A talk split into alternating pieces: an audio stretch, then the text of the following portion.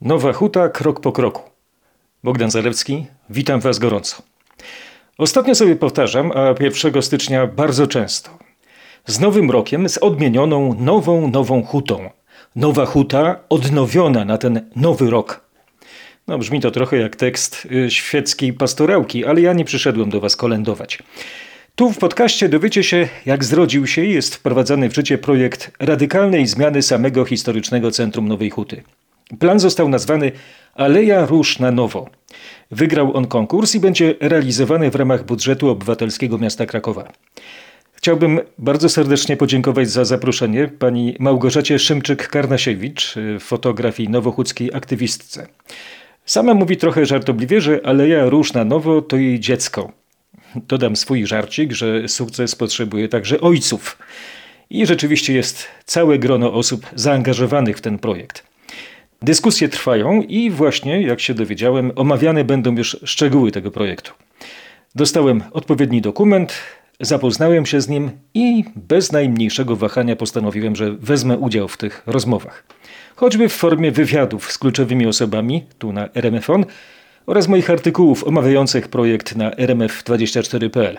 No jeśli chcecie, to zapoznajcie się z tym tekstem, Chociaż po wysłuchaniu mojego rozmówcy będziecie mieli niemal pełną wiedzę o tym, co w nowochódzkiej trawie piszczy, w przyszłych trawnikach, polach, kwiatów ogrodowych i łąkowych. Jak będzie wyglądał cały cudowny ogród w samym centrum miasta. Oto jak rodziła się ta idea, jak teraz się zmaterializuje, opowie nam Jarosław Klaś, kulturoznawca, animator i menadżer kultury. Kończy on pracę doktorską na Uniwersytecie Jagiellońskim o zarządzaniu dziedzictwem kulturowym Nowej Huty. Kieruje też Nowochódzkim Laboratorium Dziedzictwa w Ośrodku Kultury imienia Cypriana Kamila Norwida. Panie Jarosławie, dlaczego Aleja Róż ma być nowa? Wydaje się, że wyczerpała się formuła, ta, która została stworzona na przełomie, można już powiedzieć, XX i XXI wieku, czyli e, tych 20 lat temu. W 2001 roku przeprowadzono remont tej przestrzeni i wprowadzono tam nową formę dla tej przestrzeni. Natomiast wydaje się z perspektywy 20 lat, że i sposób użytkowania tej e, Alei Róż w tym odcinku przy Placu Centralnym, pomiędzy Placem Centralnym a Aleją Przyjaźni, e, zmienił się na przestrzeni lat i zmieniły się też oczekiwania co do przestrzeni publicznej. To na, w ciągu ostatnich właśnie 20 lat chyba jednak dużo w ogóle się zmieniło. Dojrzeliśmy jako społeczeństwo e, i trochę więcej oczekujemy od nowych funkcji. Ta przestrzeń też się dosyć zużyła już tak fizycznie. No i wymaga jako ten salon Nowej Huty odnowienia. Bardzo pięknie pan mówi, to teraz niech pan to przełoży na taki język młodzieżowy, niech pan wytłumaczy to skaterom i rowerzystom, którzy tam urządzili sobie plac zabaw i, i pewnie ciężko im będzie zmienić e, swoje zainteresowania i przyzwyczajenia. Znaczy ja myślę, że nie zawsze jest tak, że my musimy zmieniać nasze przyzwyczajenia i myślę, że powinniśmy dążyć do tego, żeby starać się godzić te różne funkcje, czyli nie zawsze i wszędzie można wszystko. I tak jak Aleja Róż jest używana do bardzo różnych rzeczy, jest multifunkcjonalna teraz, to niekoniecznie tak powinno być. Chyba nie, nie zawsze być może tam w jednym miejscu E, jest to nawet bezpieczne czasem, żeby po prostu przesiadywać w tej przestrzeni, tak jak było kiedyś przez lata i jak teraz e, jest to wymuszane trochę poprzez użytkowników, którzy chodzą tam, nie wiem, do lodziarni. E, małe dzieci jeżdżą tam na rowerkach, obok mamy właśnie nieco starsze osoby, które gdzieś tam skaczą na rowerach czy, czy deskach. No i nie zawsze jakby te, te funkcje są bezpieczne i do pogodzenia. Natomiast myślę, że powinniśmy dążyć do tego, żeby takie przestrzenie się pojawiały i takich w Nowej Hucie nowych przestrzeni dla właśnie takich bardziej rekreacyjnych, wyczynowych sportów jest trochę, bo mamy i w Parku Lotników Polskich e, i na plantach mistrzejowickich właśnie specjalne przestrzenie, które są do tego stworzone i myślę, że są dużo bardziej atrakcyjne niż te schodki, które są i funkcjonują w Alei Róż. Także myślę, że to nie jest jakby jakiś duży problem. Tak samo jeżeli chodzi o kwestię koncertowego wykorzystania Alei Róż. Ona teraz jakby przejęła takie funkcje rynku w Nowej Hucie. Nie zrealizowano nigdy rynku No i ten plac przejął takie funkcje, natomiast nie zawsze być może jest to takie najodpowiedniejsze miejsce na takie wielkie widowiska, które się tam dzieją. Pamiętajmy, że jest to bliskie sąsiedztwo bloków. Rozmawiałem ze współwłaścicielem y, Cepelixu, dawnej Cepeli. Mówił wprost, że tutaj, kiedy jest takie mocne nagłośnienie, zwłaszcza te basy, no to jemu się trzęsą te zabytkowe, prawda, naczynia w plafonach. Także to faktycznie nie jest kwestia czysto teoretyczna. Jest to groźne dla tej zabytkowej infrastruktury. Tak, i myślę, że potrzeba też Nowej Hucie takiego planu, jak e, różne funkcje w dosyć dużej przestrzeni, bo przecież Nowa Huta jest bardzo pojemna, pogodzić i, i spróbować znaleźć rozwiązania dla różnych e, miejsc. Niekoniecznie może w tej przestrzeni akurat skakanie na deskorolkach i wielkie koncerty, może raczej właśnie bardziej kameralne wydarzenia. Zresztą też no, współczesny, ten mijający rok pokazał, że jednak to, co małe, też potrafi być piękne. E, I, I, teraz gdzieś koncentrujemy się na takich różnych mikronarracjach, mikrowydarzeniach e, i być może to jest też jakiś plan na tą przestrzeń, e, a jakieś duże wydarzenia chyba gdzieś w Nowej Hucie się pomieszczą i potrzebujemy takiej dyskusji i debaty, żeby właśnie te różne funkcjonalności pogodzić i też gdzieś rozproszyć w tej przestrzeni miejskiej. Jakby inne miejsca też zasługują na to, żeby być wykorzystywane, a nie, nie powinniśmy się koncentrować tylko i wyłącznie w jakichś pojedynczych punktach miasta. E, jaką rolę Aleja Róż odgrywała kiedyś, a jaką funkcję powinna pełnić dzisiaj? Znaczy Aleja Róż w zamyśle w ogóle projektantów Nowej Huty, ten odcinek, to miał być taki reprezentacyjny salon i początek takiego deptaku, który się ciągnął przez plac, e, od placu centralnego przez e, rynek, który nigdy nie powstał, aż na obrzeża miasta. To miał być taki ciąg spacerowy, to miała być ta aleja reprezentacyjna. E, bardzo szybko okazało się, że rynku nie zrealizowano. No już w latach 60., po tych 10 latach odbudowy, a nawet troszkę wcześniej, około 56 roku, już było wiadomo, że ten rynek nie powstanie i nie będzie tej, tej naturalnej przestrzeni takiego placu e, do właśnie takich funkcji miejskich. E, no i siłą rzeczy e, ta Aleja już czasem przejęła ale, te funkcje, ale to był to cały proces, dlatego że przecież do lat 70., do powstania pomnika Lenina, e, akurat ten odcinek Alei Róż miał taki wymiar spacerowy, co więcej, o czym nie pamiętamy, też wokół prowadziła ulica, była tam, były tam przystanki autobusowe. E, I, I, ten plac miał bardzo zupełnie inny charakter. To znaczy y, ten nasz, nasz, przepraszam, nie nasz, Lenin, jak jakiś cyklop, prawda, jak jakiś polifem bolszewicki zadepnął nam ten, te Aleje Róż, tak? Pierwsza taka metamorfoza to właśnie był, były lata 70., kiedy ten Lenin się tam pojawił e, i też wtedy wyremontowano ten odcinek e, Alei Róż. On zamienił się właśnie w taki reprezentacyjny plac miejski, taką, taki quasi rynek można powiedzieć. E, został wybetonowany, zlikwidowano tam funkcję tą komunikacyjną, czyli jezdnię e, i zrobił się z tego po prostu plac miejski. Później po likwidacji pomnika Lenina pod koniec roku 89 jakby siłą rozpędu ta przestrzeń tak sobie trwała przez lata 90. No i później ten stan rzeczy został utrwalony jako właśnie taki plac miejski w trakcie remontu w 2001 roku. No ale bardzo szybko się okazało, że mieszkańcy jednak chyba nie do końca są zadowoleni z tych efektów i, i oczekują tej zmiany. I ona tak sobie dojrzewała, dojrzewała. Panie Jarosławie, a czy wracając do Lenina, czy, czy te wszelkie pomysły pomników na miejsce wodza rewolucji e, są już wykluczone? Czy jeszcze jest jakaś e, możliwość powrotu do przeróżnych pomysłów, łącznie z tym słynnym lordem z imperium? Znaczy, to jest taka dyskusja, która trochę nigdy się nie kończy. Jakby w ogóle pomysłów na zagospodarowanie tej przestrzeni i Alei Róż i Placu Centralnego, czyli tych centralnych, najbardziej takich reprezentacyjnych przestrzeni Nowej Huty, no na przestrzeni tych ostatnich 30 lat była cała masa. To jest taka w ogóle historia, jak to prześledzić dokładnie rok po roku, to e, mieliśmy przecież w 2004 roku zmianę nazwy Placu Centralnego. Mieliśmy pomysł ustawienia w tej południowej części e, nowych pomników, zagospodarowania tych pomników tej przestrzeni poprzez właśnie pomnik Kuklińskiego, pomnik Regana, pomnik księdza Popiełuszki. Była cała praca koncepcyjna związana z rewitalizacją, która miała nastąpić w lokalnym programie rewitalizacji Nowej Huty, właśnie całej tej osi Placu Centralnego i Alei Róż. Był rozpisany konkurs, który wygrał projekt zakładający stworzenie takiego antycznego forum w południowej części Placu Centralnego z początkową stacją kolejki linowej. Ten pomysł też nie został zrealizowany. Mieliśmy całą serię pomysłów i takich tymczasowych instalacji w samej Alei Róż, bo pamiętamy taką instalację artystyczną Krzysztofa Krzysztofa, która z Placu Świętej Marii Magdaleny e, trafiła właśnie na Aleję Róż e, i ponad rok, zdaje się, tam sobie funkcjonowała tak zwany Złoty Chłopiec. Pamiętam. Mieliśmy w tej przestrzeni instalacje artystyczne w trakcie Artboomu w 2014 roku, czyli mieliśmy jakby nawiązanie do Lenina bezpośrednie, czyli fontanna przyszłości e, Małgorzaty i Bartosza Szydłowskich. Wcześniej to jeszcze była prowokacja, tutaj y, muszę się pochwalić radia RMFFM. Tak i ustawienie tej, tej takiej makiety, atrapy pomnika e, Lenina, która szybko została zniszczona przez mieszkańców z tego co kojarzę. Nasza prowokacja się udała.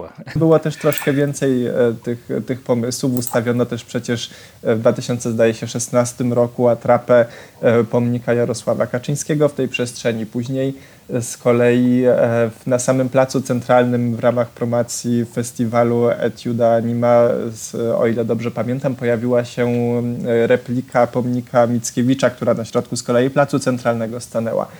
No i tych pomysłów takich na zagospodarowanie, jeszcze jak do tego dołączymy mityczną fontannę, która e, już przynajmniej e, w 2000 zdaje się 9 i około 2018-2019 roku miała z Wilanowa, taka fontanna socrealistyczna, przyjechać do Nowej Huty, ale jak się okazało nie przyjechała. To by się jeszcze wpisywało w naszą tradycję. Natomiast no jest to wynik, wydaje się, jak tak spojrzeć historycznie, tego, że ta przestrzeń nigdy nie została dokończona. Ona nigdy nie, e, tak jak cały projekt Nowej Huty, nie została zamknięta. I to jakby zawsze będzie rodzić takie pokusy, żeby coś w tej przestrzeni jeszcze zmienić, coś jeszcze zagospodarować. Panie Jarosławie, to może, może już od razu przejdźmy do, do tego pomysłu, prawda? Tego konkretnego pomysłu. Na czym on miałby polegać? Ten pomysł Alei Róż na Nowo to nie jest taki pomysł wyciągnięty z kapelusza nagle teraz. To jest coś, co trwa od kilku lat. Dokładnie, jeśli dobrze pamiętam, pod koniec 2017 roku Gosia Szymczyk-Karnasiewicz jakby nosiła się z takim zamiarem, e, żeby coś w tej przestrzeni zmienić, e, apelowała o to w zarządzie Zieleni Miejskiej, żeby wprowadzić przynajmniej takie mikrozmiany, ustawić tam jakieś więcej zieleni takiej, można powiedzieć, tymczasowej, gdzieś w donicach, żeby gdzieś jakieś meble miejskie nowe się tam pojawiły. I z taką myślą też przyszła do nas do Ośrodka Kultury Norwida, wtedy do pracowni animacji ekologicznej i pracowni dziedzictwa i tożsamości Nowej Huty, e, tak poradzić się i podzielić się też tymi swoimi rozterkami i wątpliwościami. My wtedy się bardzo zastanawialiśmy, co my możemy zaproponować, że nie mamy przecież milionów na E, remont e, tej, tej infrastruktury, na nie wiem, jakieś zrywanie nawierzchni, wymianę płyt, że przecież to w ogóle nie jest nasza działka jako animatorów kultury. E, no i wspólnie się zastanawialiśmy, co możemy zrobić. Czuliśmy, że powinniśmy, bo zawsze jesteśmy zaangażowani w te rzeczy, które są ważne dla społeczności lokalnej, natomiast nie chcieliśmy też stworzyć jakichś konsultacji czy pomysłów na tą przestrzeń, zaprosić mieszkańców do tego, zaangażować ich i później ich zostawić z tym. To znaczy, zebrać pomysły, stworzyć jakąś wspaniałą koncepcję, jakąś, jakiś pomysł, który będzie nie wiadomo jak rozbuchany. I żeby się z tego nie stworzyła później aleja donikąd. Żeby potem nic z tego właśnie nie powstało, żeby się żadna aleja nie stworzyła, bo bardzo często tak jest, że właśnie tworzy się jakieś pomysły, angażuje się ludzi, e, którzy dużo energii w to wkładają i później jakby to nie jest realizowane i zostaje tak jak jest i tak bywało też w tej przestrzeni już, więc nie chcieliśmy tworzyć czegoś takiego, mając w pamięci, że ludzie bardzo szybko to się zniechęcają do tego i pamiętają przez lata później takie doświadczenia. E, tak, tak to obserwowaliśmy często w naszej pracy. Natomiast też wiedzieliśmy, że jako animatorzy kultury no nie mamy milionów ani możliwości, nie jesteśmy firmą budowlaną, ani nie, nie mamy takiej decyzyjności, żeby nagle jakąś wielką inwestycję w tej przestrzeni przeprowadzić. No, jedyne, co nam przyszło do głowy, to że przeprowadzimy faktycznie konsultacje, ale w formie warsztatów, czyli najpierw zapytamy ludzi, co oczekują od tej przestrzeni, jak chcieliby, żeby ona wyglądała, a nie przyjdziemy z gotowym pomysłem, który poddamy pod jakiś grad krytyki tylko będziemy właśnie pytać. Jakie były najciekawsze pomysły? To, to nie było tak, że się pojawiły jakieś tutaj torpedy i bomby, które nagle e, były, bach, tak będzie to wyglądać. To, to był cały proces. My zaprosiliśmy wtedy Stowarzyszenie B1, dzisiaj Stowarzyszenie B7 Center do, do współpracy i zrobiliśmy taki cykl dwóch warsztatów e, na osiedlu Centrum B właśnie w siedzibie stowarzyszenia, czyli blisko Alei Róż. Na tym nam zależało, dlatego że w trakcie tych warsztatów najpierw odbyło się takie inspiratorium, które poprowadziła Marcelina Smolarczyk e, i pokazywaliśmy wtedy, jak tego typu przestrzenie funkcjonują i w Polsce, i na świecie przestrzenie właśnie gdzieś w zabytkowych centrach miast, ale integrujące jakby różne funkcje. B7 to dobry punkt, bo jednocześnie mamy blok szwedzki, czyli modernizm, a z drugiej strony park ratuszowy na widoku. Czyli dawny, dawny rynek niezrealizowany. E, mamy też ten socrealizm obok i właśnie później po tym inspiratorium przeszliśmy się na spacer. Pamiętam, to był marzec, więc 2018 roku. Było już ciemno dosyć szybko, jak zaczynaliśmy warsztaty, więc poszliśmy z latarkami e, w tej przestrzeni, która też okazało się, no wtedy tego doświadczyliśmy, na przykład jej mankamentem jest brak jakiegoś takiego doświetlenia centrum. No i zastanawialiśmy się, co nam nie pasuje tutaj w tej grupie e, tych osób. Później wróciliśmy do, e, do, do siedziby stowarzyszenia. W dwóch grupach nanieśliśmy te uwagi na plan i zebraliśmy te różne pomysły. Po tych latarkach to co was oświeciło? No właśnie to było takie też ciekawe doświadczenie w ogóle. My się bardzo obawialiśmy, czy ludzie przyjdą na te warsztaty, czy będą chcieli. No już e, pamiętam to uczucie, jak w, czekaliśmy przy drzwiach i już wybijała godzina warsztatów i nikogo nie było i po prostu już byliśmy załamani, że to się nie uda. E, I nagle ludzie zaczęli przychodzić i przyszło w ogóle wtedy e, tych osób chyba prawie 40 z tego co pamiętam. E, I to takich osób, które właśnie chciały się zaangażować i miały pomysł. I tutaj całe klub polegało na tym, co nas bardzo pozytywnie zaskoczyło, że ludzie dyskutowali bardzo merytorycznie, się pojawiał jakiś pomysł, nie wiem, metalowej konstrukcji, jak ktoś mówił, ok, to się nie uda, bo tutaj ten materiał się nie sprawdzi, to nie jest technicznie w ogóle wykonalne, żeby coś takiego zrobić, bo najazd, żeby wejść na taką, nie wiem, jakąś kładkę metalową, musiałby być na tyle długi, że w ogóle to, to, to odpada. Ta dyskusja jak róża była taka rozkwitająca. Tak, tak, dokładnie. Natomiast my zebraliśmy te różne pomysły po tym pierwszym dniu warsztatowym i spróbowaliśmy z tego stworzyć dwa wnioski do budżetu obywatelskiego. Jeden był na mniejszą kwotę, taką kosmetyczną zmianę, czyli siedziska na schodach. Drugi był na troszkę większą ingerencję, ale jeszcze nie tak radykalną, jakiej teraz oczekujemy, czyli e, jeszcze nie było zrywania płyt, wymiany nawierzchni, tylko polegało to na sprowadzeniu większej ilości zieleni, nowych mebli miejskich w tą przestrzeń. To były takie bardziej kosmetyczne zmiany. E, I my później te wnioski złożyliśmy, natomiast wcześniej je przedyskutowaliśmy z ludźmi na tym drugim spotkaniu. No i okazało się, że niektóre rzeczy się wykluczają, albo że jednak e, jedni chcą jakieś meble modułowe, które będą troszkę też dawały cienia latem, bo to jest dosyć mocno nasłoneczniona w południe latem przestrzeń. To jest jakby betonowa przestrzeń, która też się szybko nagrzewa, tworząc taką patelnię, więc tam początkowo zakładaliśmy wprowadzenie jakiejś ażurowej pergoli e, z pnącą roślinnością, która trochę będzie dawać cienia. Natomiast niektórzy mówili, nie, nie, nie, nie możemy tak zrobić, to zaburzy oś widokową, w ogóle konserwator się na to nie zgodzi.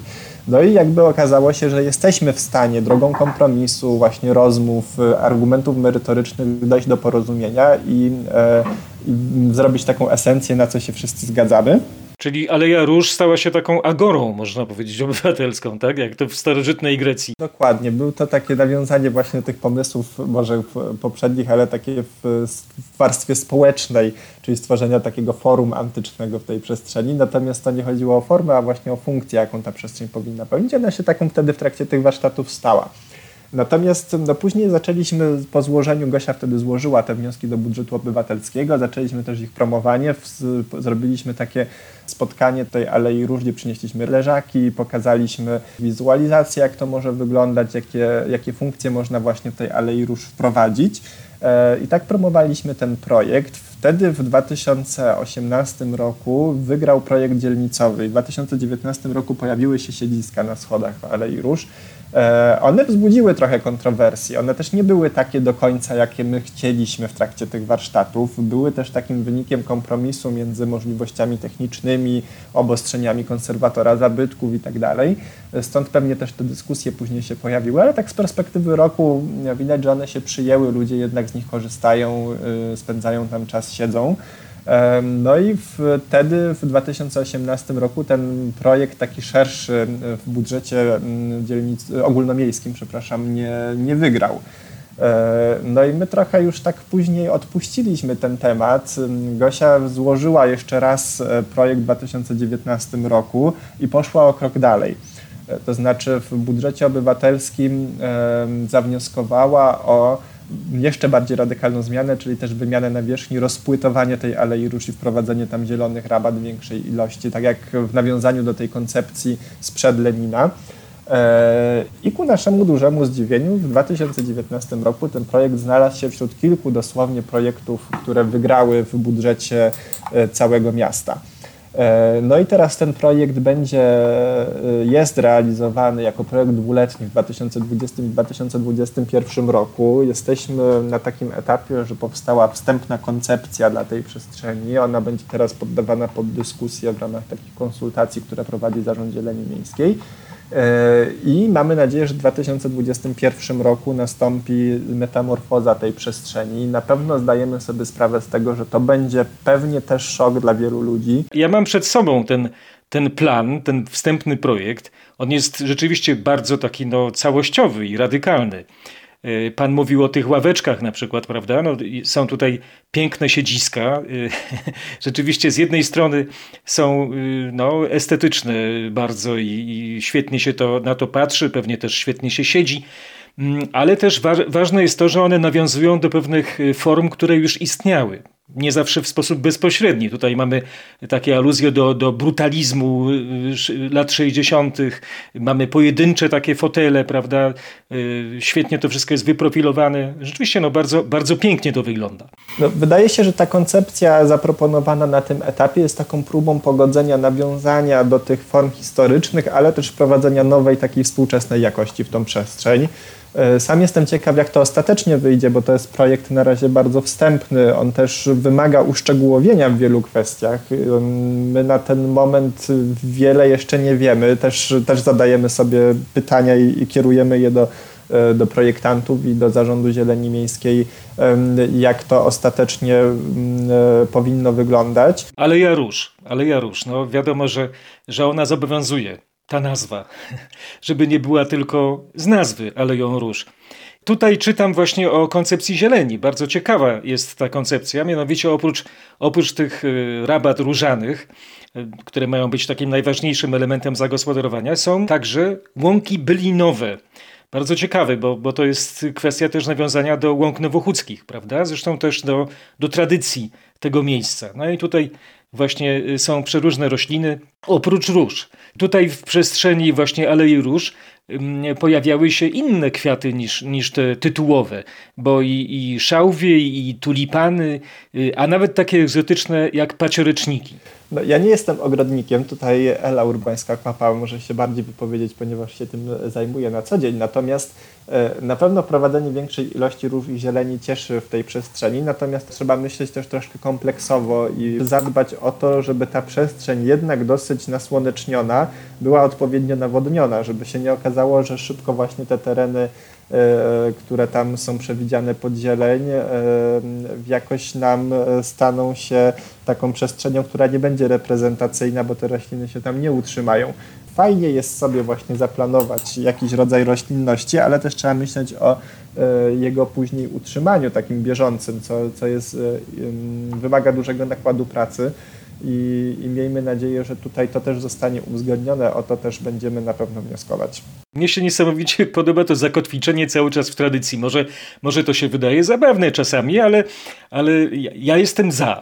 to znaczy, nawet tutaj, jeśli chodzi o te słupki, które mają być zamontowane jako ograniczenie wjazdu samochodów e, na przestrzeń chodnika, no to one nawiązują kształtem do trzepaków znanych z podwórek Nowej Huty. Jeżeli już wprowadzamy ograniczenie parkowania, chociaż uważam, że tam akurat w tej przestrzeni samochodów y, już nie powinno być, że to już jest ten etap, kiedy jednak powinniśmy z tego rezygnować. Tam jest bardzo duże ograniczenie wjazdu w tym momencie i wydaje się, że dałoby się z tego zrezygnować. Natomiast jeżeli już tam parking pozostanie, to wtedy te ograniczniki powinny być jednak troszkę bardziej e, takie estetyczne w formie i wydaje mi się mniej rzucające się w oczy. To jest taka, taka moja, moja obserwacja. Estetyczne w formie, ale nie socjalistyczne w treści. mniej może rzucające się w oczy, natomiast spełniające przede wszystkim swoją funkcję, czyli ograniczające to głębokie parkowanie. To jest taki problem, z którym się każdy z nas może spotkać, idąc z wózkiem z dzieckiem, czego ja doświadczyłem, albo będąc osobą z niepełnosprawnością ruchu na wózku inwalidzkim.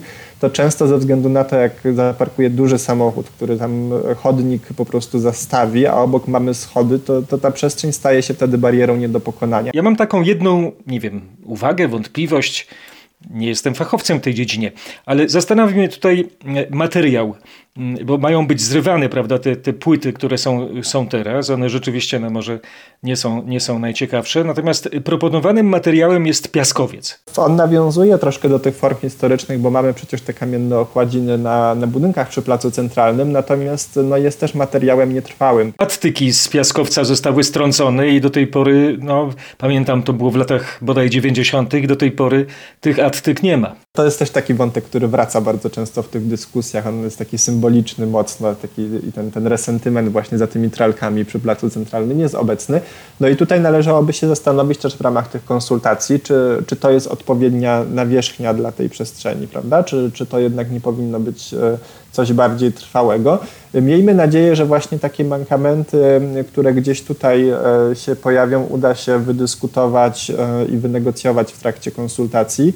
E, które są planowane na początek 2021 roku i że realizacja już spełni e, jak najwięcej tych potrzeb i oczekiwań, które są do tej przestrzeni, chociaż no, trzeba przyznać, że na pewno nie będzie tak, że um, wszyscy będą zadowoleni. Nigdy tak nie jest, natomiast no, miejmy nadzieję, że uda się tu taki sensowny e, kompromis i konsensus wypracować. O projekcie Aleja Róż na Nowo mówił kulturoznawca Jarosław Klaś. Na stronie Nowochódzkiego Laboratorium Dziedzictwa możecie odnaleźć w formie wygodnych PDF-ów e, znakomite prace pod redakcją mojego gościa, alternatywny przewodnik po Nowej Hucie, Nowa Huta architektoniczny portret miasta drugiej połowy XX wieku oraz Nowa Huta w kulturze, kultura w Nowej Hucie. Oto jak zwykle mój wierszyk na zakończenie podcastu.